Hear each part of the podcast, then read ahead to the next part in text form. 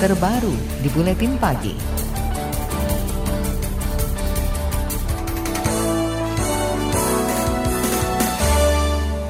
Pemerintah meluncurkan portal pengaduan aparatur sipil negara atau ASN berpaham radikalisme negatif atau ekstremisme. Masyarakat bisa melaporkan PNS yang menyebarkan konten-konten radikalisme melalui situs aduanasn.id. Berdasarkan keterangan yang tertera dalam situs itu, radikalisme negatif meliputi sikap intoleran, anti-Pancasila, anti-NKRI, dan menyebabkan disintegrasi bangsa. Menteri Komunikasi dan Informatika Joni G. Plate mengatakan, portal aduan ini untuk menjawab persoalan terkait dugaan banyaknya ASN terpapar radikalisme.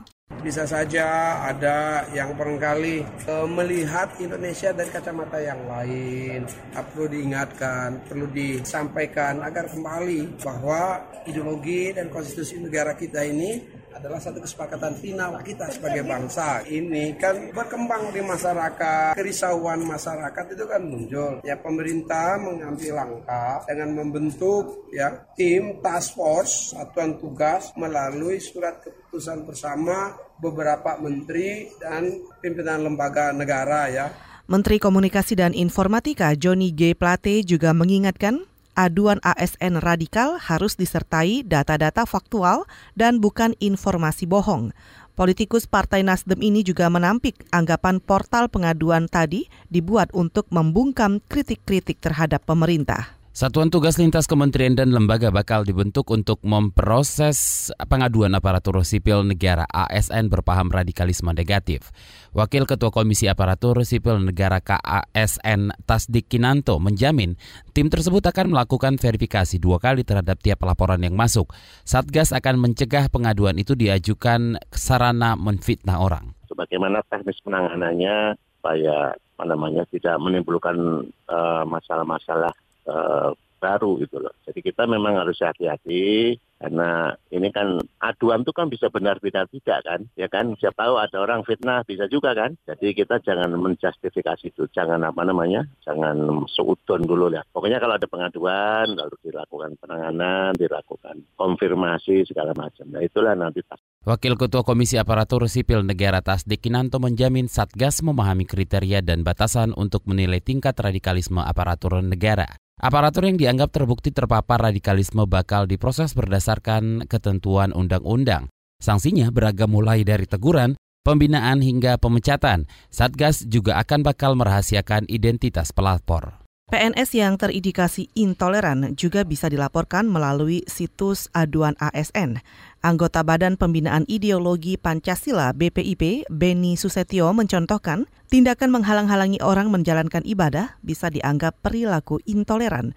Menurutnya, sikap radikal dan intoleran tak sesuai dengan Pancasila dan bertentangan dengan sumpah jabatan ketika diangkat sebagai ASN. Jadi intoleransi itu tidak akan secara aktif untuk apa? Dengan verbal, baik dengan kata-kata dan perbuatan untuk memaksakan kehendaknya dan menuntut orang lain itu harus mengikuti kehendaknya sendiri dengan menggunakan kekerasan. Anggota Badan Pembinaan Ideologi Pancasila Beni Susetio menambahkan lembaganya siap dilibatkan dalam Satgas Aduan ASN. LSM Setara Institut mengapresiasi peluncuran portal aduan ASN radikal. Direktur Riset Setara Institut Halili menganggap sistem pengaduan online ini bisa memperkuat mekanisme pengawasan internal di masing-masing kementerian.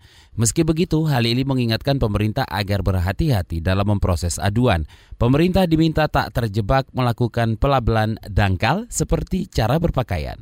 Meskipun ada partisipasi publik soal aduan ini, ya tetap saja uh, si penerima aduan untuk kemudian ditindaklanjuti uh, tetap harus men-screening. Jangan sampai uh, aduan pelaporan ini kemudian mengarah kepada uh, apa namanya pada fitnah pada laporan karena ketidaksukaan misalnya, pada labeling karena pakaian misalnya kan. Direktur Riset Setara Institut Halili meminta pemerintah tetap harus menyelesaikan pekerjaan rumah berupa penguatan mekanisme pengawasan internal. Hal ini menjadi kunci mencegah ASN terpapar radikalisme. Portal aduan ASN bisa berperan untuk membantu mempercepat pengawasan dengan melibatkan partisipasi publik. Komnas HAM turut mewanti-wanti pemerintah dalam menangani aduan ASN terduga radikal maupun intoleran. Anggota Komnas HAM BK Ulung Hapsara mengatakan, pemerintah harus merinci dulu pengertian radikal dan intoleran agar tidak terjadi perbedaan pemahaman di masyarakat. Upaya penertiban itu juga jangan sampai melanggar HAM. Soal ada aduan tentu saja harus ada verifikasi. Verifikasi ini harus didasarkan pada bukti-bukti yang memang ada dan bisa diverifikasi. Ditambah dengan kesaksian-kesaksian yang lain. Jadi pemerintah atau kemudian atasannya secara langsung tidak bisa dengan mudah menjatuhkan hukuman hanya didasarkan pada e, pengamatan sesaat atau kemudian penilaian sepihak saja. Ini ini mekanisme yang bisa dijalankan untuk ASN. Anggota Komnas HAM BK Ulung Hapsara menambahkan mekanisme pemberian sanksi juga harus dirinci oleh pemerintah. Sanksi yang dijatuhkan harus sesuai dengan tingkat pelanggaran yang dilakukan dan tidak boleh melanggar HAM. KBR, inspiratif, terpercaya.